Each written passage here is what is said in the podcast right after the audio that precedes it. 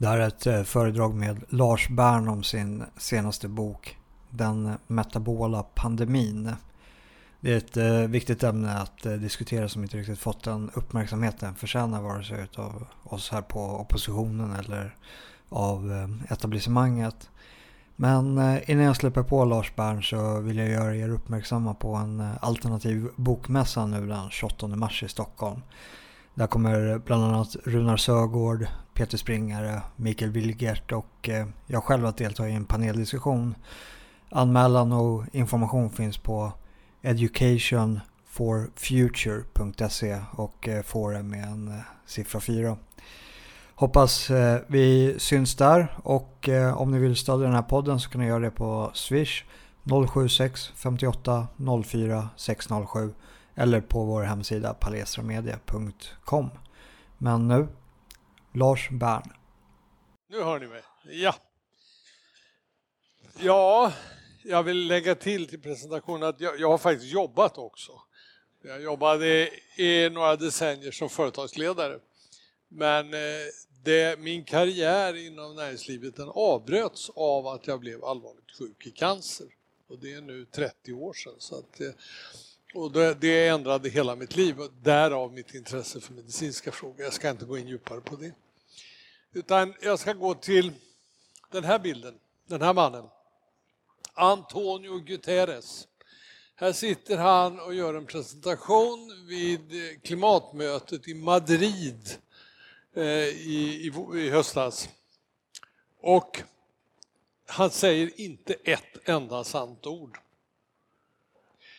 Och det är ganska anmärkningsvärt.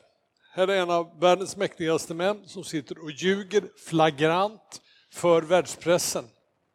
Ni ser inte en rad om de felaktigheter han förmedlar i våra tidningar. Där har ni dagens mainstream media. Han sa så här, klimatrelaterade katastrofer blir allt vanligare och dödligare. Det är lögn, det blir de inte alls. Utan det är, är det någon förändring vi ser på grund av klimatförändringen så är det faktiskt att vi har färre klimatrelaterade katastrofer. Och det är precis vad riktiga klimatforskare förväntar sig för när det blir lite varmare så minskar nämligen temperaturskillnaden mellan ekvatoriella områden och polarområden och då blir dynamiken i vädersystemet mycket lugnare. Han säger också att klimatrelaterade katastrofer blir mer destruktiva och kostsammare. Också lögn.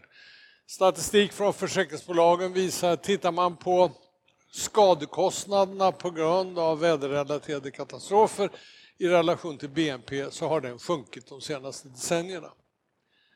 Torka i vissa delar av världen ökar i alarmerande takt och förstör människors livsmiljö och hotar livsmedelsförsörjningen. Också lögn. Eh, klimatförändringarna har hittills lett till en kraftigt ökad produktion av livsmedel i världen. Skördarna slår rekord varenda år. Så det där är nonsens. Varje år dödar luftföroreningar associerade med klimatförändringar 7 miljoner människor. Det är lögn. Det som dödar 7 miljoner människor, det är alldeles rätt. Det är 7 miljoner människor dör av luftföroreningar. Men det är fattiga människor som lever för det första i väldigt förorenade storstäder som New Delhi och vissa kinesiska städer. Men framför allt fattiga människor som lagar sin mat och värmer sina hus över öppen eld inomhus. Så familjerna lever i ständig rök. Och det är därför som Kina och Indien bygger eh, i rasande takt nya kolkraftverk för att de här människorna ska få elektricitet så att de kan minska sin dödlighet på grund av luftföroreningar. Alltså precis tvärtom mot vad han säger. Klimatförändringar har blivit ett dramatiskt hot mot människors hälsa och säkerhet. Hittills är det alltså tvärtom. Att det har blivit varmare och att vi har mer kol koldioxid har varit gynnsamt för mänskligheten. Netto har inte klimatförändringar lett till ett enda människoliv som har gått i spillo. De som har dött i väderkatastrofer är väldigt få. Däremot de som har överlevt på grund av att de har fått mer mat är väldigt många. Så det har hittills bara varit positivt. Här har ni en kurva över globala dödsfall som är klimatrelaterade under 1900-talet och fram till idag. Det kan ni ju då se den blå kurvan. På, I början på 1900-talet rörde det sig om en halv miljon människor som strök med varje år och det är en värld där det fanns en tredjedel så mycket människor som idag. Idag rör det sig om betydligt blygsammare siffror. Och som jag sa, det är fler människoliv som har räddats av de bättre skördarna än som har dött i klimatkatastrofer. Det här det visar en växt som har fått växa i olika halt av koldioxid. Vilken växt växer bäst? Den som har mycket koldioxid eller den som har lite? Det ser ni. Och vilken växt har störst förutsättningar att ta upp näring och vatten ur marken? Jo, den med det största rotsystemet. Så att det här med hög koldioxidhalt är gynnsamt för livet på jorden. Det finns vissa enskilda nackdelar men i huvudsak så är det här bara till fördel för livet på den här planeten. Och det här är en kartläggning av var det växer bättre. Alla gröna områden de markerar ställen där växtligheten har ökat under den här tidsperioden från 82 till 2015. Och de röda visar där den har minskat. Öknarna i världen krymper. Det finns enstaka öknar som, som utvidgas men överlag så krymper de. Och vår miljöminister står i SVT gång på gång och säger att vi har ökenutbredning. Det är lögn, men ni ska aldrig någonsin inbilla er att mainstream media, att SVT eller SR påpekar detta, att hon ljuger. Aldrig. FN gjorde för ett antal år sedan en stor global opinionsundersökning där man bad människor runt om i hela världen svara på vad man tyckte var de viktigaste frågorna som FN skulle ägna sig åt. Det är 16 frågor. Och där ser ni att det som är dagens ämne, hälsa, ligger näst högst upp. Nutrition, näring, ligger på femte plats uppifrån. Klimatförändringar som FN prioriterar, observera, det är den största och viktigaste frågan för FN-byråkratin, kom deadly last. Människor runt om i världen är inte alls så engagerade i den här frågan som vi gärna får intryck av när vi lyssnar på mainstream media. Det här är alltså bakgrunden. Den här frågan som FN driver, den är den som tar all uppmärksamhet i debatten nästan.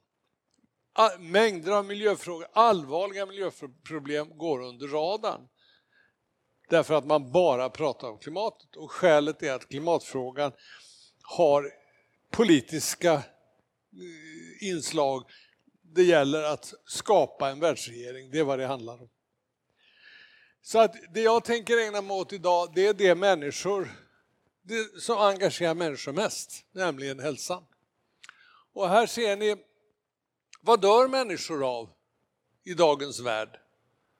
Ja, längst upp kardiovaskulära sjukdomar, alltså hjärt-kärlsjukdomar. Sen kommer cancer och sen kommer eh, andra sjukdomsfenomen, demens.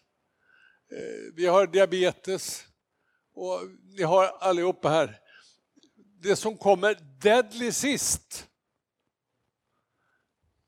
Där har jag en pekare. Natural disasters. Och det får mest uppmärksamhet. Och det här det får ingen uppmärksamhet alls nästan i debatten. Här dör 40 miljoner människor varje år i förtid. Men det uppmärksammas inte av våra medier i någon större utsträckning. Utan eh, det är någonting som vi har kommit att acceptera. Och det är inte bara det att det dör 40 miljoner människor. 2-3 miljarder människor har redan de första symptomen på de här sjukdomarna. Det är nästan halva jordens befolkning. Och det, och det är en siffra som hela tiden stiger. Dödligheten är en siffra som hela tiden stiger. Men det får ingen uppmärksamhet. Under de månader som den här coronavirusepidemin har pågått nu, då det har dött i Kina vad är det, något tusental människor och lite strödda dödsfall runt om i världen. Under den tiden har säkert en miljon människor dött av metabola sjukdomar som jag ska prata om. Så där får ni lite proportion på de här sakerna. den här pandemin som jag har skrivit en bok om som ligger där borta, den metabola pandemin. Jag kallar det för en pandemi eftersom den omfattar i stort sett hela mänskligheten som på ett eller annat sätt är påverkad av den. Och dödligheten är som jag sa 40 miljoner per år. Den, är, den har så att säga gått som en trestegsraket under människans historia. Och det intressanta är att första steget mot en pandemi, meta, metabol pandemi, det tog mänskligheten redan för 10 000 år sedan. Och det var när vi började idka jordbruk. Därför tittar man arkeologiskt på vad som händer i världen, hänt i världen eh, bakåt i historien så ser man att människor var mycket, mycket friskare före jordbrukstiden. De hade mer välutvecklade skelett, de var längre, de var kraftigare, de hade perfekta eh, tandrader, spikraka tandrader, de hade ingen karies, ingen tandröta. Det är de man kan hitta i gravar ifrån före jordbrukstiden. När vi började idka jordbruk och började äta spannmål så fick vi karies och fick, vi, vi fick skelettmissbildningar eh, och vi blev i genomsnitt 12 centimeter kortare. Det är den faktiska situationen. Och den här sjukligheten den har följt oss nu i 10 000 år. Men sen kom steg nummer två i den här trestegsraketen. Ungefär runt år 1900. Och det som hände då det var att vi började ersätta det vi hade ätit tidigare eh, med fröoljor. Istället för animaliska fetter började vi sätta in fröoljor, rapsolja, solrosolja, bomullsfröolja och vad det heter alltihopa som livsmedelsindustrin prånglar ut. Det hade människan inte ätit alls egentligen före förra sekelskiftet. Utan det var ett helt nytt inslag. De här oljorna är inte människoföda egentligen. Och sen fick vi sockret som började bli allemansföda runt förra sekelskiftet. Före det var, det, var socker bara någon, en exklusiv delikatess inom överklassen. Sen kom år 1977, då började vi få politiskt styra kostrekommendationer. Det var sista steget i trestegsraketen. Och då tog den metabola pandemin fart som en raket. Och jag ska återkomma till det och visa lite siffror. Så här, det här markerar början. och den är omslaget på min bok som finns där borta om någon vill köpa. Det här är omslaget på en annan bok. Därför vad som hände var att på 30-talet så var det en eh, amerikansk tandläkare som hette Weston Price som eh, det slog honom när han eh, fick sina patienter att folk hade så förskräckligt dåliga tänder. Det var karies och tandröta och allting. Och väldigt många hade missbildningar på sin, sitt kranium så att tänderna inte satt rätt i munnen och sådär. Och tittar ni i era munnar så är det säkert många av er som precis som jag har tänder som inte sitter spikrakt. Det konstaterade han. Och sen så slog det honom när det kom sådana här upptäckter. För på den tiden, på 30-talet, så fanns det ju massor med naturfolk kvar på jorden. Det finns nästan inga kvar längre. Men då fanns det det. Helt isolerade naturfolk. Och när upptäcktsresan hade varit och besökt de här folken och kom tillbaka och publicerade det här och dokumenterade det så slog det den här tandläkaren att när han såg bilder på de här människorna så hade de kritvita tänder, spikraka tandrader och såg kärnfriska ut. Och det där gjorde ju honom väldigt nyfiken så han började åka runt i världen. Han, han var förmögen så han kunde stänga sin mottagning och började åka runt för att eh, besöka de här folkslagen. Det rörde sig om över ett dussintal som han besökte, från eskimåer upp i Grönland till aboriginer i Australien och massajer i Afrika och till isolerade folkslag faktiskt i Alperna som levde isolerade i alpdalar från resten av civilisationen. Och så småningom så sammanfattade han sina erfarenheter av de här, det, det han avläste hos de här folken i den här boken som heter Nutrition and Physical Degeneration. Hur födan helt enkelt degenererar oss fysiskt i det moderna samhället. Och den här, det han konstaterade det var att de här folken de hade inte de metabola sjukdomarna. De, hade, de kunde dö av olyckor och annat, så de, de kanske inte hade en längre medellivslängd, men de som överlevde var betydligt friskare än vad vi var. Och om någon lämnade de här naturfolken och flyttade in i vår civilisation så fick de med en gång alla våra sjukdomar. Och han tittade ju då på vad de åt, för det var nutrition han blev intresserad av. Och han konstaterade att de här människorna, de idkade inte jordbruk, utan de levde på det de hittade i sitt närområde. Och alla levde på animalier i större eller mindre utsträckning. Från eskimåer som i stort sett levde på 100% animalier till vissa folk som kanske bara levde på 30-40% animalier. Men animalisk föda, animaliska fetter fanns med i all kost. Och sen plockade man nötter och lite växter och sånt man hittade i sin omgivning och kompletterade det med. Och eh, de var metabolt friska. Den här boken den borde vara obligatorisk litteratur i läkarutbildningen och om inte annat i nutritionistutbildningen. Men tror ni den är det? Frågar ni en ung nyutexaminerad läkare så har de ingen aning om vem Weston Price är. Det är skrämmande. Här ser vi det första margarinet. Det heter Crisco. Och det var Procter Gamble som tog fram det här. Man, bör, man gjorde alltså en smörimitation baserat då på växtfröoljor som jag hävdar bestämt inte är människoföda. Vi ska se resultaten av det. Industrimaten tar över skriver jag och det eh, började så sakteliga på 1800-talet men det tog fart omkring sekelskiftet. Vitt, vitt mjöl introducerades eh, i slutet på 1800-talet. År 1900 så var 99 procent av de fetter vi använde i kosten animaliska. 2011 kom då det här Crisco som var fullt med transfetter och annat och som inte var människoföda. Och sen tar vi ett stort hopp. 2009 så var 63 processade livsmedel, 63 procent av det vi äter processade livsmedel. 2010 var vi uppe i 80 gram vegetabiliska oljor per dag, vilket motsvarar 32 procent av kalorierna. Det är alltså som vi äter nu. Va?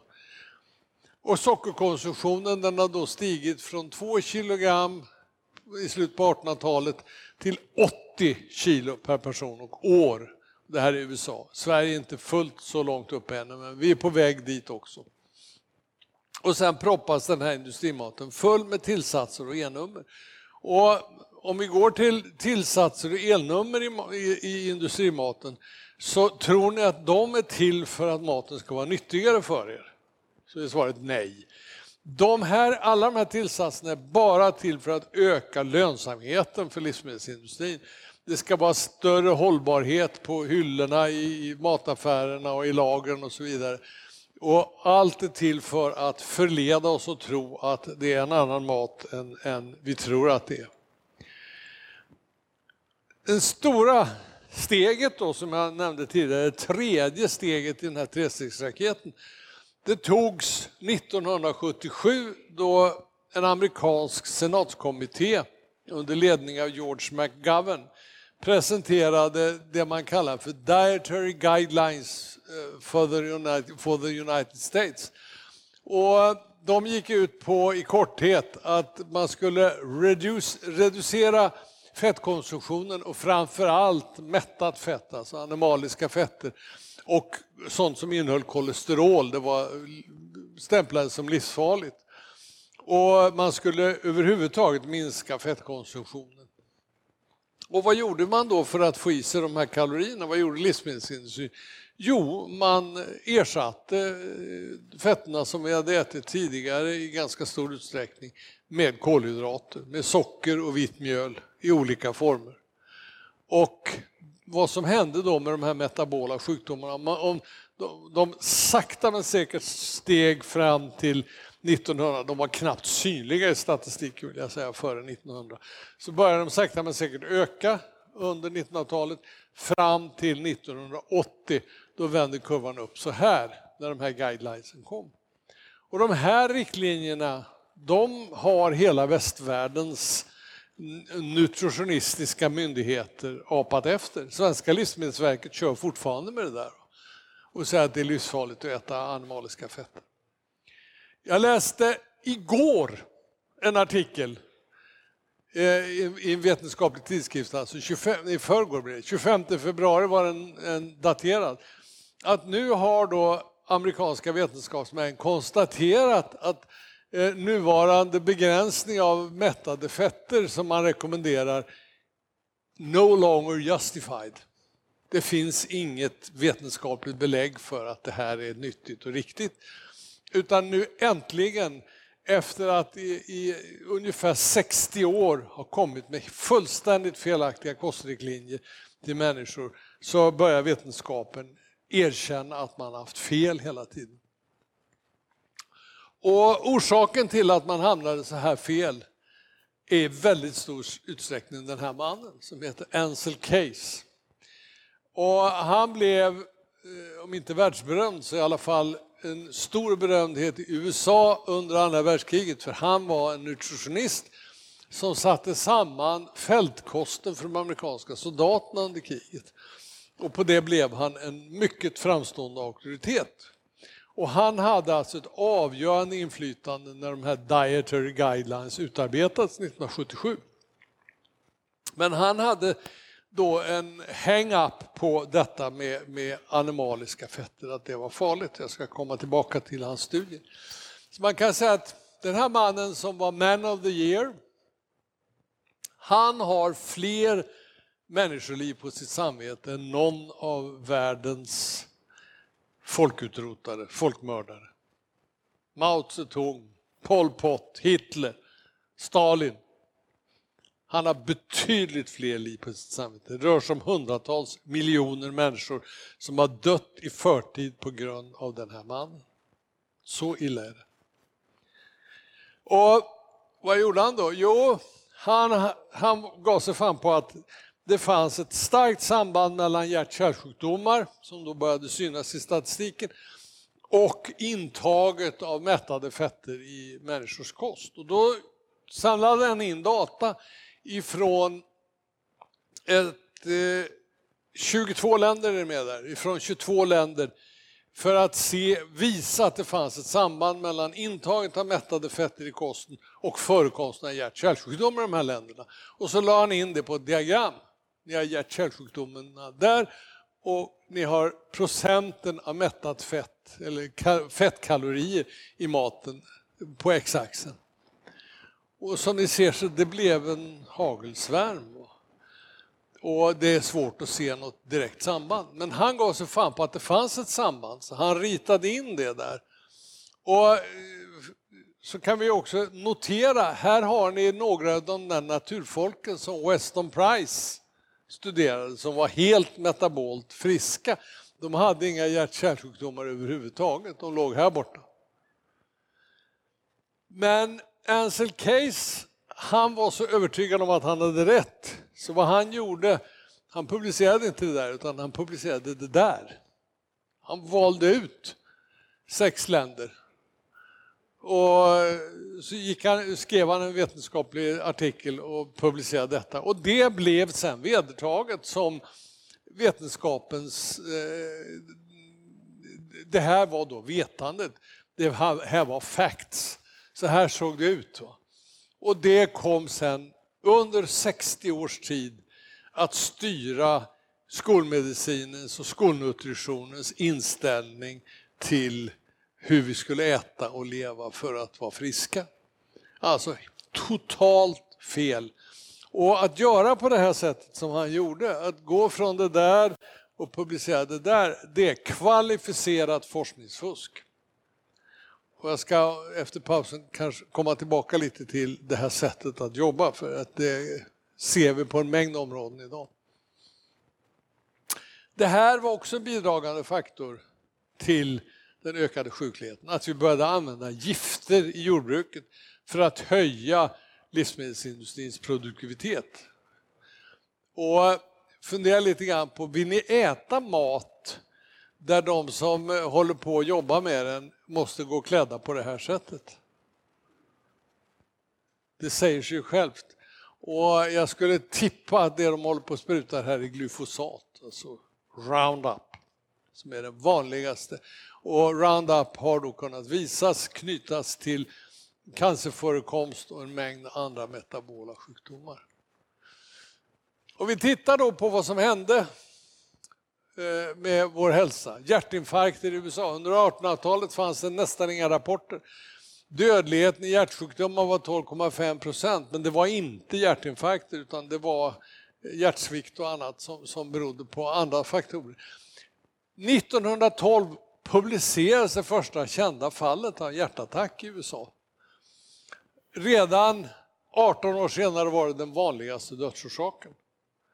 Och 2010 är ett av tre dödsfall beroende på hjärt-kärlsjukdomar. Alltså vi såg att det var 18 miljoner per år i världen och i USA. Cancer. Eh, 1811 drabbas en av lite drygt 200, eller knappt 200, av cancer. Eh, vid förra sekelskiftet så hade det där ökat till en av 17 och idag drabbas en av tre och vi är på väg mot en av två. Så att vi kan nog räkna med att ni som är yngre, där är risken att ni ska få en cancerdiagnos under ert liv ungefär 50 procent. Så illa är det. Och det här ökar hela tiden. Det borde ju alla larmsignaler borde ljuda högt och ljudligt. Men på något sätt så bryr man sig inte om det utan det, det ses som en naturlig utveckling att det ska öka. Och när man konfronterar skolmedicin med det här så säger de att det här beror på att vi blir äldre. Därför det här är åldersrelaterade sjukdomar. Det är inte sant. Visst är det en faktor, men idag så ökar cancern lika mycket bland barn och ungdomar i procent som bland äldre. Så det, det, är en sjukdom som går ner i åldrarna och det gäller även de andra metabola sjukdomarna. Diabetes inte att förglömma. Här har vi diabetesutvecklingen. Och där ser ni ju väldigt tydligt att fram till 1960 så var det mindre än 1 procent som drabbas och sen då omkring 1980 så vände det här uppåt och snart är vi uppe, ja vi är säkert över det idag, för 2015 var det 9,40 procent. Det är en 25-faldig ökning på 80 år. Det måste ju bero på någonting att vi får den här ökningen. Och det beror inte bara på att vi blir äldre, det beror på att vi äter fel och att vi lever fel. Fetma detsamma. Ni ser att fetman låg fram till 1980 Eh, så hade den stigit till ungefär 14 procent. På 1800-talet var det 1 procent som var feta. Sen ser ni hur den skenar och idag är då eh, av amerikaner 40 procent feta. Och I Amerika är det så att man, man, brukar säga det att i dagens USA så är det bara 12 procent av befolkningen som är helt metabolt friska.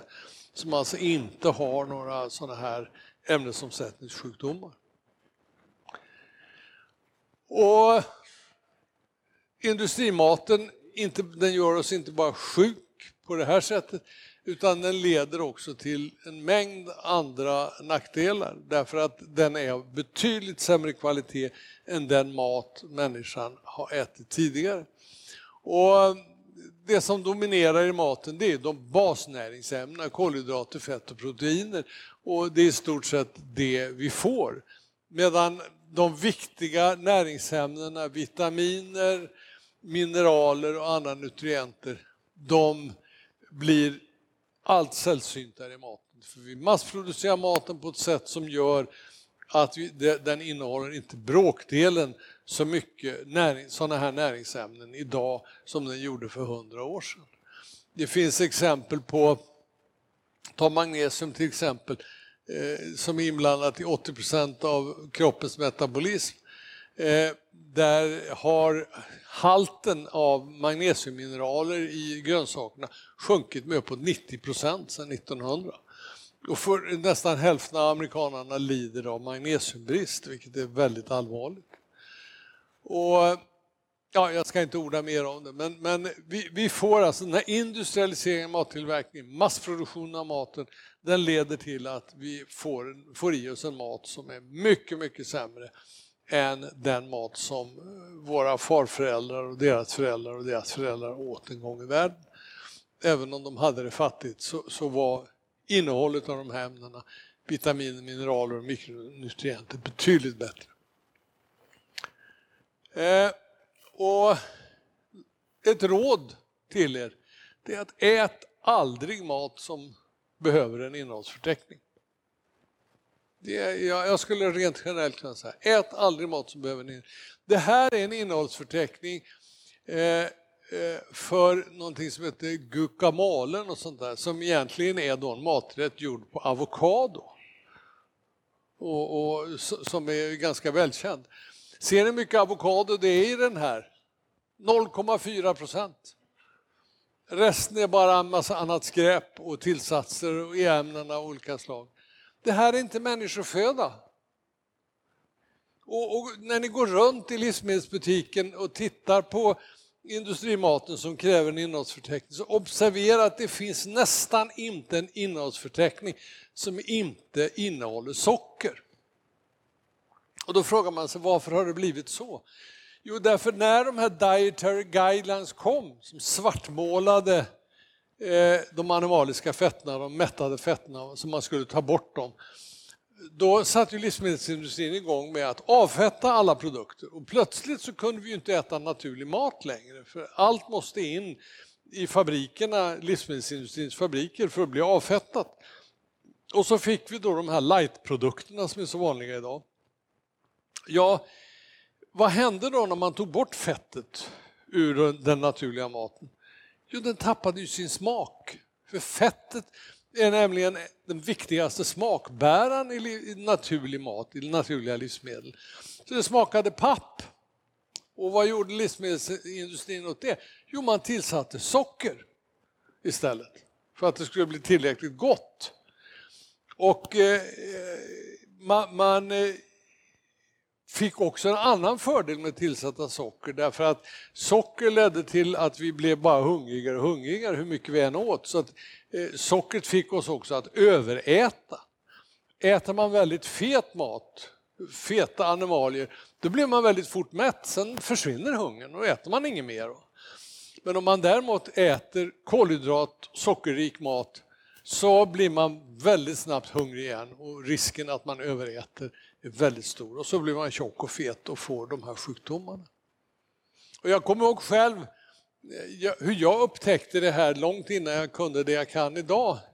Det var så att jag jobbade efter att jag hade fått min cancer och blivit sjuk och slutat. Så jobbade jag liksom som konsult åt en del företag och ett företag som jag jobbade som konsult åt var ledningen på ICA. Jag hjälpte dem med en del strategifrågor, framförallt på miljöområdet. Och eh, ICAs miljöchef då sa att nu kommer det fantastiska nya livsmedel, någonting vi kallar för functional foods. Då höll man ju på för fullt och, och göra sådana här konstlade livsmedel som inte innehöll fett. Och eh, det fick då till följd att man, man tog fram alltså, konstlade produkter. Då hade de en produkt som hette Proviva som var en ersättningsprodukt för mjölk. Så man hade tagit, mjölk innehåller ju fett och är animaliskt så det var inte nyttigt. Utan istället så gjorde man någon havrevälling som smakade fan. Och för att eh, den skulle få lite smak så tillsatte man då någon, någon frukt eller någonting och eh, jag valde då på hennes rekommendation Proviva som var gjort på nypon. Men det smakade fortfarande papp. Så att man tillsatte också socker, men det hade jag ju ingen aning om. Utan jag, jag ersatte Eh, min filmjölk på morgonen med den här Proviva och sen för säkerhets skull så till det så tog jag då müsli. Och müsli är proppfullt med socker. Och sen för att vara helt säker så tog jag ett stort glas apelsinjuice också och trodde jag åt jättenyttig mat. Och vad som hände med mig var att i den här vevan så när jag gick över till den här nyckelhålsmärkta så kallat hälsosamma maten så, så skaffade jag en stor hund som krävde mycket motion. Så när jag gick ut och gick med den här hunden på morgonen så inträffade något väldigt konstigt. När jag gått i 20-25 minuter så blev jag svimfärdig. Jag började bli skakig i benen och började kallsvettas och var tvungen att sätta mig på en bänk. Jag fattade inte vad som hände. Jag kände jag måste ju vara allvarligt sjuk. Men jag fattade inte vad det var, va? för jag kunde ingenting om det här med näringslära. Sen nämnde jag det här för en god vän till mig som är gammal maratonlöpare. Han sa, men herregud Lars, det är ju blodsockerfall. Vad fan äter du till frukost? Så räknar jag upp de här grejerna. Ja, men så, det kan du inte äta, det är för mycket socker. Ja, men hur kan jag få blodsockerfall om jag äter för mycket socker? Så då borde jag få för mycket blodsocker. Nej, sa han, det är så här förstår du. Att eh, när du äter den där frukosten, då sticker ditt blodsocker upp så här. Va? Och då har du en mekanism i kroppen, du har en bukspottkörtel som då börjar producera massor med insulin för att trycka ner det där igen. För det är inte hälsosamt att gå med högt blodsocker. Och när, när din, din bukspottkörtel med sitt insulin har börjat få blodsockret att falla igen, då går du ut och går med hunden. Och då förbrukar du också en massa blodsocker. Och vad som då händer är att du får för lågt blodsocker istället. Och så blir du svimfärdig och kallsvettas. Så att det, på det sättet så lärde jag mig att industrimaten är fullständigt värdelös. Jag började med att gå över till eh, mer harmlösa saker men så småningom så insåg jag eh, i början på 2000-talet lärde jag mig att istället äta LCHF-kost. Då gick jag över till en omelett på morgonen och de här problemen försvann. Men jag var alltså prediabetiker på grund av det här. Det var en liten utvikning. Här har ni olika fetter. Och där ser ni de blå områdena där, det är omega-6 som inte är särskilt nyttigt. Eh, medan de eh, eh brandgula, det är omega-3 som är bättre. Och där hittar ni alla de här fröoljorna. Som är, och de värsta det är majsolja, solrosolja, men även rapsolja innehåller väldigt mycket och, och sojaolja och så vidare. Medan om vi tittar då på de mättade fetterna, alltså smör och kokosolja, så är det betydligt nyttigare. Där har, har vi mättade fetter. Och det är de oljorna som människan har ätit tidigare under sin historia. Här ser ni ett exempel på om man låter djur välja mellan smör och två olika margarinkvaliteter. de här myrorna, de är inte dugg intresserade av eh, de där margarinerna med sina konstiga oljor. Och då ska ni komma ihåg, när, man, jag, jag, när jag doktorerade så gjorde jag en matematisk modell bland annat utav eh, hydreringsprocessen vid Karlshamns oljefabrik när man gör råvarorna för alla våra margariner i Sverige. Och eh, man, man kör alltså rapsoljan i en eh, kemisk fabrik och ändrar dess kemiska sammansättning så att man kommer så långt man bara kan ifrån människoföda. Och efter att ha sett den här grå sörjan som kom ut ur de här eh, fabriksreaktorerna så slutade jag äta margarin för jag tyckte det var så vansinnigt äckligt och det luktade också illa. Men den sörjan den bearbetas sen med tillsatser, färgämnen och smakämnen och så vidare för att på något sätt få det att likna smör, men det blir ju aldrig lika gott som smör. Och eh, De här myrorna de har insett att margarin är ingenting för dem och det borde vi människor göra också. Det är också så att eh, när man lagar mat med de här oljorna så bildas det alltså väldigt mycket aldehyder när man värmer upp dem. Och jag hinner inte gå in i detalj men ni ser att solrosolja, majsolja är, eh, när man har använt det i stekning och uppvärmning så bildas det massor med aldehyder. Aldehyder är inte alls nyttigt för vår kropp, det är väldigt cancerogent bland annat. Och vi ser också att även eh, Eh, Eh, vad heter det, olivolja ska inte användas så att man värmer upp det. Utan det ni kan använda framförallt när ni steker det är kokosolja. Det är den mest värmetåliga eh, oljan. Den består till 90 procent av, av mättade fetter. Näst bäst är smör. Smör har ju den nackdelen att det inte bara är olja utan det innehåller också en del proteiner. Och det är det som blir brynt när man värmer smör så att det blir brunt. Kokosoljan blir ju inte det. Och jag, brukar, jag brukar bland annat ibland, de få gånger jag äter stekt potatis, så steker jag den i kokosolja. Det blir vansinnigt gott. Kan jag tala om. Så det kan jag rekommendera. Eh, Eh, det här leder ju då till till exempel pommes frites som, som man friterar i såna här fritöser som är fulla med, med just fröoljor av olika slag. En sånt där paket McDonalds pommes frites innehåller alltså lika mycket akrolin som är en eh, aldehyd som alla de där cigaretterna. Tänk efter lite grann vad ni stoppar i när ni går på McDonalds. Och det här är ju ett av problemen när ni går på restaurang. Alltså restauranger har fritöser som står och, och pyser och, och hela tiden producerar sådana här cancerogena ämnen.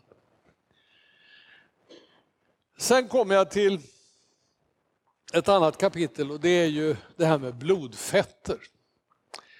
För det, eh, Ansel Case och, och, den skolan han tillhörde, de predikar ju detta att kolesterol var livsfarligt. Kolesterol är ju då eh, animaliska fetter. Och eh, då har det här med att då demonisera kolesterol, det har ju både i kosten och i vårt blod, det har fått till följd att eh, läkemedelsindustrin har hittat sin största kassako någonsin. Man har alltså tagit fram mediciner för att sänka blodets kolesterol. Och det här är världens mest lönsamma preparat. Hittills har det sålts för sådär många miljarder kronor. 10 000 miljarder kronor. 1000 miljarder dollar. Över ungefär 800 000 svenskar är ordinerade statiner. Och jag ska komma tillbaka till det. Eh, det rör sig alltså om flera hundra miljoner människor som, som står på de här. Och vad statinerna gör i kroppen, det är att den, det här är då en, en, process i kroppen för att bilda kolesterol. Och eh, ingriper där uppe eh, och stänger delvis av den här processen. Men problemet med det där det är att den stänger av hela processen hit ner. Det är där man vill sänka då. Men man, vad man också gör är att man stänger av produktionen av det där ämnet och det behövs för att bilda K2-vitamin som är väldigt viktigt för eh, uppbyggnaden av vår benstom och så vidare. Och det stänger av Q10-produktionen som är väldigt viktig för våra muskler och framförallt för hjärtmuskeln. Och då ska vi komma ihåg att statiner sätts in framförallt på äldre människor och när vi blir äldre så försämras produktionen av Q10 också av naturliga skäl. Så att det här är en allt annat än bra strategi. Och eh, det här leder till en massa biverkningar. Jag ska inte gå igenom dem i detalj men, men eh, den främsta biverkan ifrån att försöka sänka kolesterolet blod med statiner, det är muskelsvaghet. Därför att eh, det ingriper alltså i, i de processer som behövs för att musklerna ska fungera. Och fundera lite grann, hjärtat är ju en muskel, så man får en försvagad hjärtfunktion av det. Och eh, man får verk och sådana här saker. Jag kan berätta en, en sedelärande historia från min bekantskapskrets. Jag var nyligen åt lunch med några goda vänner från näringslivet på den tiden när vi var aktiva. Vi var ju pensionärer allihopa nu och så vi var nere runt Stureplan på en restaurang. Och så hade jag en kompis med mig som bor på sam, alldeles granne med mig i Vasastan. Och så frågade han mig hur tar du det hem? Sa han. Ja, vi kan väl göra sällskap, sa jag. Ja, hur, hur, hur tänker du ta det hem? Ja, jag går, sa jag. Ja, jag är inte säker att jag klarar det, säger han. Då. Och han är en gammal golfspelare och jag trodde han var en spänstig människa så jag blev jätteförvånad. Ja, men vi kan väl försöka, så. Så vi började gå. Och när vi har gått några hundra meter så sa han till mig, Lars, jag är jätteledsen men det går inte längre. Och, utan vi stannade vid en busshållplats och så tog vi bussen hem. Och när vi satt på bussen så sa jag att jag, så jag förstår att du står på statiner, sa jag. Och då stirrade han förskräckt på mig. Så, hur, fan, tro, hur fan vet du det? sa han. Ja, men det här är ju en av de vanligaste biverkningarna, så visste du inte det? Det hade han ingen aning om. Jag hade också förra året vid den här tiden samtal med två goda vänner som bägge stod på statiner och som var över 80 år. Och jag sa till dem att sluta med det. Den ena gjorde det. Va? Och eh, han fick tillbaka sin potens. och kunde lyckliggöra sin hustru. Så han var överlycklig. Den andra han vågade inte trotsa doktorn så han ligger nu en bra bit under jorden. Han dog ganska snabbt, inte bara av det men, men eh, inte blev han friskare av att käka statiner. Så att eh, det här är ett geschäft och då kan jag berätta det att den 21 mars, alltså om tre veckor, så får vi hit en av Storbritanniens främsta kardiologer som kommer att hålla en föreläsning i den här föreningen som jag har startat som heter Riksföreningen för metabol hälsa. Han kommer att hålla en föreläsning om det här med statiner. För i Storbritannien har man satt igång en utredning om man verkligen ska hålla på att förskriva statiner. Ja. Det börjar, då ska jag avrunda så fort jag kan. Här, eh, jag ska visa den här statistiken bara för den är så talande. Här har ni en jättestor undersökning som gjorde 192 länder över förhållande mellan dödligheten och kolesterolnivån i blodet. Och det här är hos män och det här är dödligheten i hjärt-kärlsjukdomar. Och ni ser att det finns inget starkt samband mellan kolesterolnivån och dödligheten i hjärt-kärlsjukdomar som är motivet för att förskriva sådana här mediciner. Det är en myt och det beror, den beror på forskningsfusk. Och eh, drar man in en medellinje så ser ni att det är sjunkande. Om man går över till all death, alltså alla former av dödsfall i den här gruppen så ser ni att det är en stark korrelation som visar att ju högre kolesterol ni har, det är det onda kolesterolet som det kallas, ju längre lever ni och ju friskare är ni. Och tar vi kvinnor så är det här ännu mer uttalat. Här är hjärt-kärlsjukdomar hos kvinnor i förhållande till kolesterolhalten. Och här är all death hos kvinnor. Det är alltså en myt. Eh, och jag skulle egentligen pratat en hel del om cancer, men eh, vi ser, jag kanske kommer tillbaka till det sen. Men jag vill ändå nämna att ni har alla hört det här att vi måste lösa cancerns gåta. Och hittills, sen man startade kriget mot cancern i USA 1971, det var Richard Nixon som kallade det för det. Amerikanerna ska ju alltid starta krig mot allting. Och här var kriget mot cancer. Sen dess har man lagt ner 5 000 miljarder kronor i cancerforskning i västvärlden. Och man har inte kommit någonstans. Man har inte, man, man konstaterar man har inte hittat, löst frågan om cancerns gåta. Nej, det har man inte gjort för den löste den här mannen redan på 20-talet. Han hette Otto Warburg, han fick Nobelpris 1931 och han visade väldigt tydligt att cancer var inte en genetisk sjukdom som cancerforskarna idag påstår att den är, utan det är en metabol sjukdom. Det är en sjukdom som beror på skadad ämnesomsättning på cellnivå. Då får man cancer. Och jag ska inte orda mer om det. Eh, så att jag hoppar över det där. Då avslutar vi med det där. Vad ni ska tänka på det är att alla djur blir friskast på den kost som de levt på under sin evolution. Så när ni äter mat, fundera på, åt människorna det här under sin evolution? Och kom ihåg att våra genetiska egenskaper är 40 000 år gamla. Vi är identiska med de människor som fanns för 40 000 år sedan, alltså långt före jordbrukstiden. Fortare än så går inte evolutionen. Så lev och ät så att du är metabolt frisk när du dör. Då ska jag avsluta med en anekdot som jag har med i min bok. Det var nämligen så att det fanns eh, på sin tid på Karolinska sjukhuset en excentrisk överläkare. Och han hade den egenheten att han gav aldrig sina patienter någon diagnos muntligen utan han skrev alltid ner sin diagnos på ett anteckningsblock och så rev han av det översta pappret, vek ihop det och gav det till patienten för att sen gå hem eller någon utanför mottagningen läsa vad diagnosen var. Och den här gången hade han då en gammal man som han hade haft på en checkup. Han hade undersökt honom och så skrev han ner diagnosen på pappret, vek ihop det och gav det till den här mannen. Och mannen går ut ifrån Karolinska sjukhuset. Vid stora entrén så segnar han ner och när sjukvårdspersonalen kommer fram då ligger han död på marken. Och så hittar de lappen i hans hand. Och då tar ju personalen den och så vecklar upp och tittar på den. Vad tror ni det stod på den? Ni är fullt frisk. Och det, det vill jag sluta med. Det är så vi ska dö.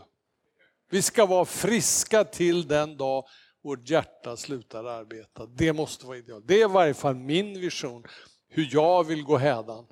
Jag vill inte tyna bort på grund av ämnesomsättningssjukdomar på något dåligt äldreboende. Tack!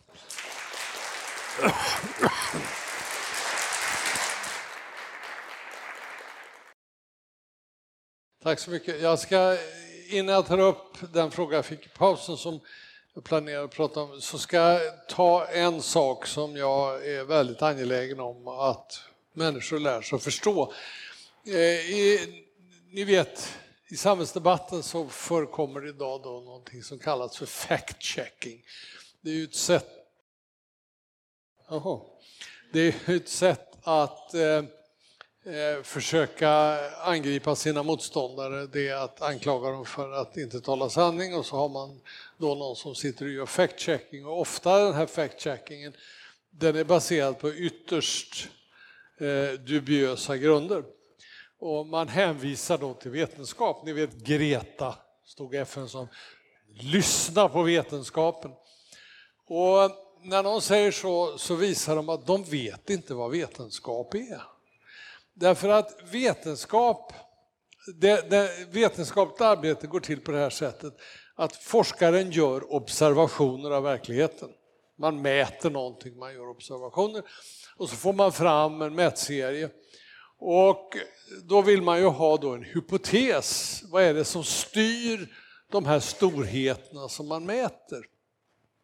Och så eh, sätter forskarna samman en hypotes. Den kan vara i form av en formel eller den kan vara i form av någon sorts förklaring som det här med att, att man får hjärt-kärlsjukdomar av förhöjt kolesterol som eh, skolmedicinen har haft som hypotes i 60 år. Men sen kommer det då andra observationer som visar att den här hypotesen håller inte, den är fel. Det kommer nya observationer som, som ger ett annat inslag och då måste man forma en ny hypotes. Och det är det man ofta inte gör därför att om, man, om forskarna har tagit fram en förklaringshypotes till ett fenomen och sen hela samhället anpassar sig till det på det sätt som har ägt rum inom den eh, medicinska vetenskapen. Vad händer då? Jo, jättestora ekonomiska intressen knyts upp till den här hypotesen. Det var därför jag visade det här med statiner. Alltså 10 000 miljarder kronor har man sålt det här för. Det är självklart att det finns enorma ekonomiska intressen som inte vill ompröva en sån hypotes och då sopar man det här under mattan och man hittar alla möjliga förevändningar för att inte ompröva felaktiga vetenskapliga hypoteser. Så väldigt mycket av det som kallas för facts inom det så kallade fact-checking är gamla hypoteser som för länge sedan är motbevisade. Och tar du klimatområdet som jag börjar med så är det ju så att forskarna de satt ju samman för, några, för 30 år sedan ett antal hypoteser om vad som kommer att hända nu när koldioxiden stiger och temperaturen ökar lite grann. Och så har man gjort modeller, man har satt upp matematiska modeller baserat på hypotesen så försöker man förutsäga vad som ska hända de närmaste 100 åren. Och när man nu tittar då under de senaste 20-30 åren på det verkliga utfallet så stämmer det ju inte med de här hypoteserna. Det, det, det överensstämmer inte alls. Men man omprövar inte hypoteserna utan man fortsätter att köra med de här gamla hypoteserna. Därför det har gått så mycket politik i det så det är nästintill omöjligt att ifrågasätta dem. Så kom ihåg det att vetenskap, det handlar inte alls om facts, utan vetenskap är bara till man har visat någonting som är bättre som en förklaring till de observationer man gör. Det som är facts, det är faktiska observationer. Och tar vi, går vi tillbaka till det här med, med, med kolesterol, för att ta ett exempel som jag pratade om, så är det så att faktum är att när man tittar på det faktiska utfallet av dödligheten hos patienter så är det så att de människor som har högt kolesterol, högt ont kolesterol, de är friskast och de lever längst. Det är de observationer man gör. Men det är oerhört svårt att ändra vetenskap, skolmedicinens förklaringsmodell därför man har byggt in så stora ekonomiska intressen i det här. Och det här ser vi på en mängd områden i samhället. Så bara för att någon hänvisar till vetenskapen så är det inte alls säkert att det är facts.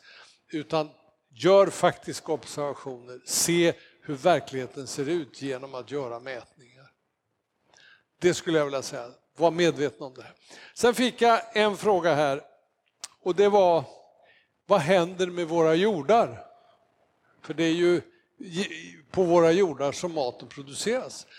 Och jag visade ju en figur hur eh, näringsinnehållet i vår mat har gått ner katastrofalt, alltså de här viktiga näringsämnena. Därför industrijordbruket, de säljer ju bara kilogram på volym och då är det kilo proteiner, kolhydrater och, och fetter som man tar betalt för. Men maten för att vi ska kunna, våra celler ska kunna utvecklas och leva måste ju också innehålla vitaminer, mineraler och andra mikronutrienter, enzymer och vad det är för någonting. Och om man massproducerar livsmedel med hjälp av konstgödning, konstbevattning, giftbesprutning, då får man bara så småningom fram de här basnäringsämnena, protein, kolhydrat och fett. Men näringsämnena går ner och det är precis det som händer.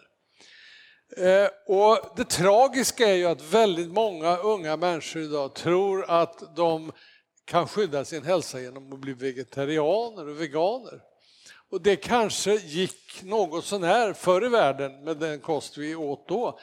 Men idag med en, en kost och grönsaker som saknar en väldigt stor del av sina vitaminer och sina mineraler så är det livsfarligt skulle jag säga. De får bristsjukdomar. Och jag kan ju tala om hur jag själv beter mig. Jag försöker ju då så mycket jag kan köpa ekologisk mat för den ekologiska maten är mer näringsrik. Och, mäter, och då säger någon att det är för dyrt, jag har inte råd med det. Men vad är det vi betalar för? Betalar vi för cellulosa och kolhydrater i maten eller betalar vi för vitaminer och mineraler? Och jag betalar för vitaminer och mineraler och då är det ekologiska billigare. Men inte ens den ekologiska maten som säljs på våra matmarknader är särskilt bra idag, för det, även den är utarmad på grund av överexploatering av jordbruksmarken. Och eh, vad man får göra, och vad jag gör, det är att jag minst en gång per år så går jag till Verlabs eller Medicera eller något sånt här företag och tar ett brett blodprov. Och då ser jag vad jag har för brister. Och sen försöker jag balansera de bristerna med kosttillskott. Till exempel senast så såg jag att jag hade för lite B. B12-vitamin till exempel. Ja, då köper jag en burk B12-vitamin så lägger jag till det. Och det är så man måste bete sig i ett samhälle där vi har industriell matproduktion. För maten har så låg kvalitet. Och det tragiska också, det är ju detta att med massproduktion av livsmedel bara på odlingsmark så utarmas jorden. Därför det som ger friska jordar, det är växling mellan kreaturshållning och odling. Men den tar vi ju bort. Och enligt dagens debatt så ska vi, ska vi sluta äta kött för det skadar klimatet. Vilket är ju fullständigt nonsens alltså. För där vi har stora boskapsjordar, där lagrar vi ner massor med kol i marken. Därför när betande djur går på marken och trampar de ner växtlighet, de bajsar och de trampar ner det och, och jorden blir bördigare och bördigare och bördigare. Och sen kan man flytta kreaturen till en annan betesmark och så odlar man där de gick förra året. Och på så sätt så har man hela tiden friska jordar. Och det finns ett lysande historiskt exempel på det här och det var när människorna kom utvandrade till USA, eh, till Nordamerika, det hette inte USA i början. Då hittade de i mellanvästern världens bördigaste jordar. Det fanns matjordar som var mer än metertjocka, flera meter tjock eh, eh, marker med, med mycket bördiga jordar. Och där slog man sig ner och fick fantastiska skördar. Men det var bara ett problem med Mellanöstern. Det var att där fanns det 80 miljoner bisonoxar som vandrade runt och betade. Och vad gjorde man med dem? Jo, man sköt ihjäl dem. Och vad hände då? Jo, jorden började, när man bara började, började odla på så började jorden degenerera. Och till slut så blev jorden förstörd, den blåste bort. Och det här blev en ekologisk katastrof i Mellanvästern på 30-talet som John Steinbeck har skildrat i boken Vredens druvor. The Dust Ball. Den fina jorden blåste bort. Och det berodde på att man tog bort den viktigaste komponenten för att hålla jorden frisk, nämligen kreaturshållning. Och det finns en, jag som har jobbat mycket med miljöfrågor, jag, jag beundrar en man som heter Savaroy som, har, som är världsberömd och som är en miljökämpe utan like. Eh, han och hans krets, de oroade sig väldigt mycket i mitten på 1900-talet för att öknarna bredde ut sig, för det gjorde de faktiskt då. Det är väl därifrån eh, har den här uppfattningen att öknar breder ut sig, men det gjorde de då. Och då trodde man att det berodde på att kreaturen trampade sönder eh, växtligheten. Så att man började skjuta av elefanter. Eh, man trodde att elefantjordarna var för stora. Och vad hände? Jo, problemet blev ännu värre. Därför att det var precis tvärtom. Och han har nu spelat in en, en Youtube-podd där han talar om att man begick alltså ett fullständigt vansinnigt misstag när man började skjuta av elefanterna. Så nu jobbar man på att öka elefantjorden igen. För det här att de betande djuren trampar ner växtlighet i marken, det är ett sätt att skapa friska marker. Och industrijordbruket gör precis helt fel. Och när det inte växer eh, på jordarna och det blir bara mer och mer sand, då vräker man på konstgödning för att få fram kilogram, men man får ju inga näringsämnen, man får inga mineraler. Så det, och det här har jag skrivit mycket om i min bok. Vi behöver regenerativt jordbruk och det kräver att vi har både boskapshållning och odling i kombination. Och vi människor mår väldigt bra av att äta kött. Så att det är, är bra för oss också, vår hälsa. Okej? Okay? Några fler frågor?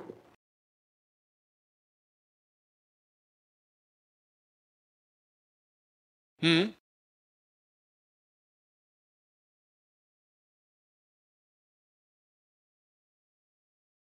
Vem sa du? Jag har aldrig hört talas om honom. Nej, jag är jätteledsen. Många har missat, men jag vill säga cancerforskning. Jag, jag har ju studerat cancer väldigt mycket därför att Ja, efter att jag själv hade fått cancer så valdes jag in i Cancerfondens styrelse 1993 tror jag det var. Ja, det var det. 1993 valdes jag in i styrelsen och eftersom jag hade en forskarutbildning, låt vara inte medicinsk, så bad de mig också sitta i forskningsnämnden. Så jag satt i sex år i Cancerfondens forskningsnämnd och då började jag studera cancerforskningen. Och tyvärr är det så att, eh, som jag berörde väldigt kort här, cancerforskningen har varit på helt fel spår nu i 50 år. Därför att man tro, har trott att cancern beror på mutationer som skadar eh, DNA till cellkärnan i cancercellerna modernare forskning visar att det är inte så, utan det som gör en cancercell till en cancercell det är skador på cellernas ämnesomsättning. Och i cellerna, runt omkring cellkärnan, finns något som heter mitokondrier som är små eh, organismer som sköter den här cellandningen och som omvandlar våra näringsämnen till något som heter ATP som sen cellen lever på. Skadas mitokondrierna av någon anledning inflammationer eller strålning eller kemiska ämnen så försämras den här ämnesomsättningen och då klarar inte cellerna att de klarar inte av cellandningen ordentligt utan då går, går de över till fermentation som är en väldigt mycket ineffektivare metod att skapa energi. Och fermentation gör att cellerna blir helt sockerberoende. De kan inte leva på andra näringsämnen, vilket en frisk cell kan göra. Så det är, här håller det på att ske en fullständig revolution inom cancerforskning. Men själva cancerforskningen, för att förklara cancer, den har gjort över med 5 000 miljarder till i stort sett ingen nytta. Däremot har man ju på senare år fått fram eh, bra, eh, allt bättre behandlingsmetoder. Till exempel det här som fick Nobelpriset nu med immunterapi. Mm. Okej. Okay.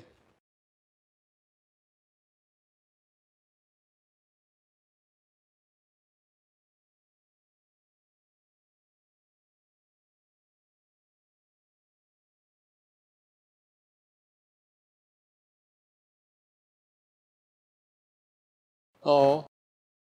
Ja, vi börjar med Al Alzheimer, det jag hann inte ta upp det. Alzheimer har ju av dagens forskare döpts om till diabetes 3.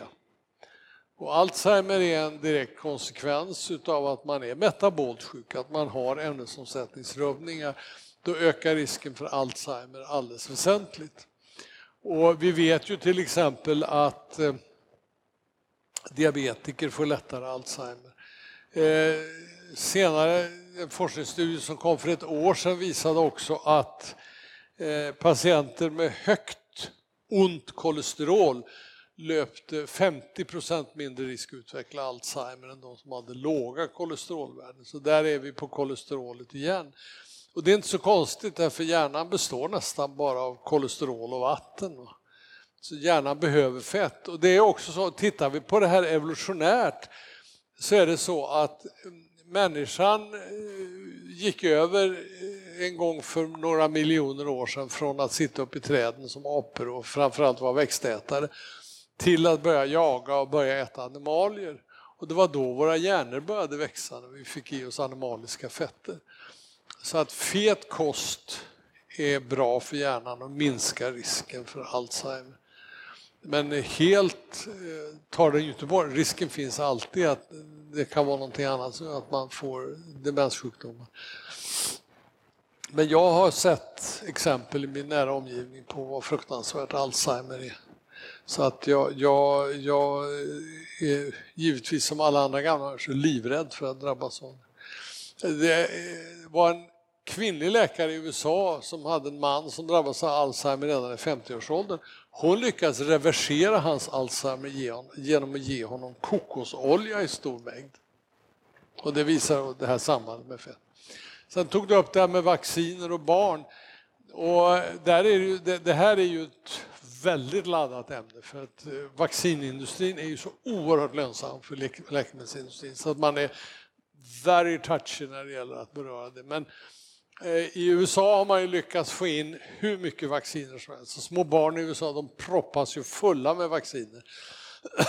Och USA har ju en mycket högre frekvens av autism och sådana här sjukdomar än vad Japan har som är mycket mer restriktiv med vacciner. Och jag för min del tror att övervaccinering det stressar immunförsvaret hos barn om de blir utsatta för det så att eh, då, många av dem tar skada, inte alla men väldigt många tar skada av det. Man ska vara restriktiv tycker jag med, med att vaccinera små barn för mycket. Och sen har vi ju då influensavacciner. Vi ser nu den här eh, debatten som sker omkring den här eh, viruspandemin som är på väg att växa fram. Den är ju ganska intressant därför att här hävdar ju alternativmedicinarna att stora doser C-vitamin och D-vitamin och annat kan mildra den här, eh, den, den här pandemin. Medan eh, skolmedicinska etablissemanget säger att det där är nonsens. Och vad finns det för intressen bakom dem? Jo, intressena är att få fram vacciner och kunna sälja vacciner till några miljarder människor. Ni kan ju fundera på vilka enorma ekonomiska intressen som finns bakom det här nu när Eh, hela mänskligheten är hysteriskt rädda för den här infektionen. Så är det. Okej? Okay?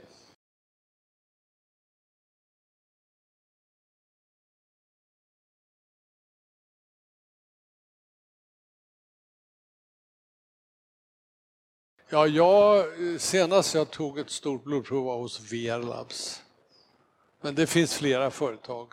Jag kan inte påstå att de är bättre än någon annan.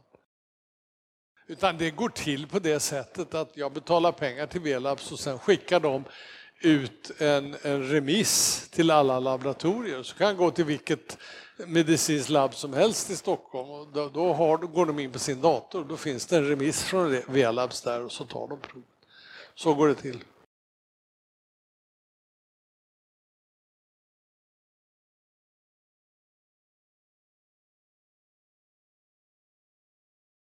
Inte så mycket gör jag det i boken, nej.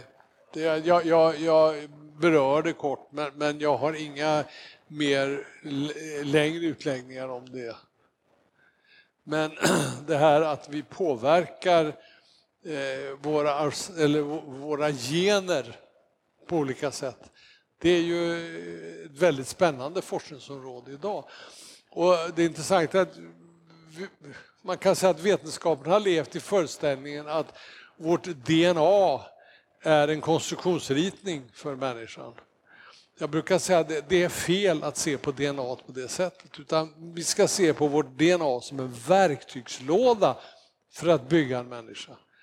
Och då kan man eh, med olika sätt att bete sig, vad man äter och hur man beter sig, påverka vilket uttryck som de här verktygen tar. Va? Det är det som är endokrinologi. Precis, exakt så är det.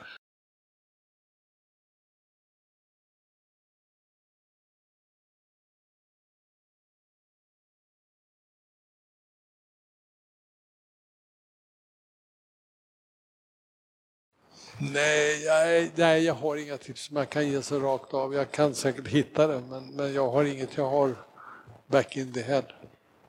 Tyvärr.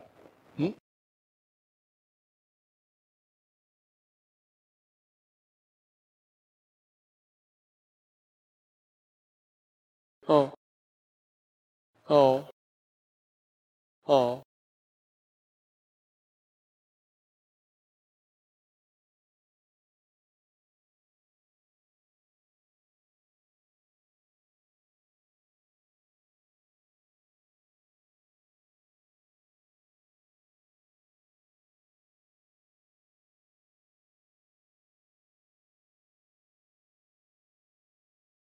Mm. Ja, jag kan väl bara gå till mig själv.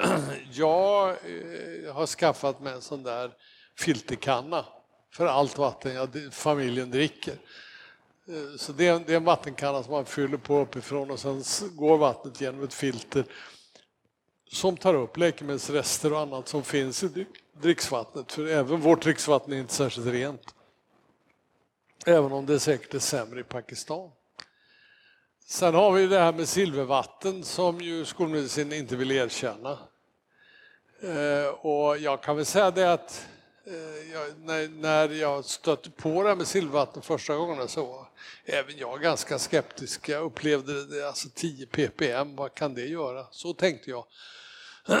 Men sen så efter min canceroperation, jag hade cancer i min urinblåsa och jag tvingades då 1992 operera bort den, så jag har stomi.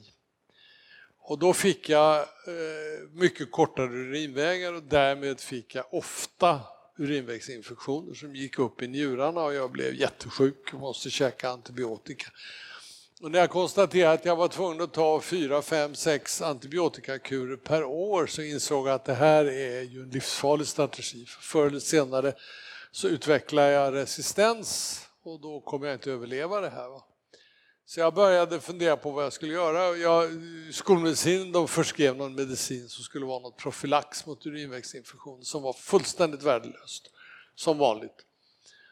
Och eh, då stötte jag på kollodialt silver så jag började ta matsked kollodialt silver till kvällen. Och eh, det har förbättrat situationen markant. Jag kan inte påstå att jag helt kan undvika infektion. Det har hänt någon enstaka gång men frekvensen har gått ner till en bråkdel av vad det var tidigare. Och sen, för att berätta, när jag blev riktigt övertygad vill jag säga, det var faktiskt så att jag hade goda vänner som hade en likadan hund som jag har. Jag har en hundras som heter Rhodesian Ridgeback som är fantastiska vovvar. Och jag hade goda vänner som hade en hane och de hade jätteproblem med honom för han fick kronisk urinvägsinfektion. Och det innebar att han förskrevs då antibiotika och så käkade han antibiotika en vecka och så gick det över och sen en vecka senare så kom det tillbaka. Och de fick inte bort det alltså. Prövade och de var alldeles förtvivlade för när en hanhund får urinvägsinfektion då går den och skvätter överallt hemma. Alltså det låg urinskvättar över hela deras bostad. Och de sa Lars, vad, har du något bra tips, vad kan man göra? Ja, så jag. Jag skulle pröva kollodialt silver, så jag kan inte lova att det funkar, men häll en deciliter kollodialt silver i vattenskålen till hunden eh, per dag. Och då gjorde de det. Och sen kom de tillbaka gräljestrålande och sa att nu är problemet borta. Och sen, råkade, sen inträffade det att min egen hund fick eh, hårsäcksinflammationer som gjorde att den fick så bopper i håret. Det var inte särskilt vackert och där trillade håret av så den var alldeles fläckig och så, det såg förskräckligt ut. Så jag gick ut till veterinären och de sa att jag skulle tvätta den med klorhexidin schampo som skulle döda bakterierna. Men de sa att de här bakterierna kommer inifrån så du måste ge hunden en antibiotikakur. Jaha, sa jag, vad innebär det? Ja, den måste stå minst i två månader på antibiotika. Och med det jag kan om antibiotika och hur det kan skada tarmflora och annat så inser jag att det är ju inte klokt. Alltså ge hunden antibiotika i två månader. Så jag prövade även kollodialt silver på min hund. Och efter en månad så hade den här infektionen läckt ut. Så hon har inga problem längre. Så jag har sett det med egna ögon. Men det här är enstaka exempel. Men, men eh, det funkar i vissa sammanhang, det är ingen tvekan om det. Och innan vi hade penicillinet, antibiotikan, så använde ju sjukvården eh, silvervatten också. Sen har man då, läkemedelsindustrin vill ju inte höra talas om det för att det konkurrerar med deras eh, preparat. Men, och, men det finns faktiskt, silver finns fortfarande inom skolmedicinen, nämligen plåster för framförallt brännsår Eh, silverinlagda för att de ska läka snabbare. Så att, eh, att det fungerar, det är nog ingen tvekan om det. Men eh, det är inte hundraprocentigt. Okej? Okay?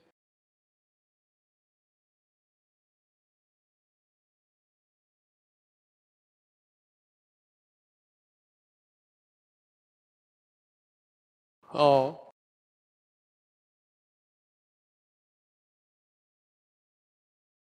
Ja, den eh, ister är ju om möjligt bättre än smör. Va? Det är, ister är nästan lika bra som kokosolja att steka i. Det tål mycket värme. Absolut, så ister är jättebra att använda i matlagning.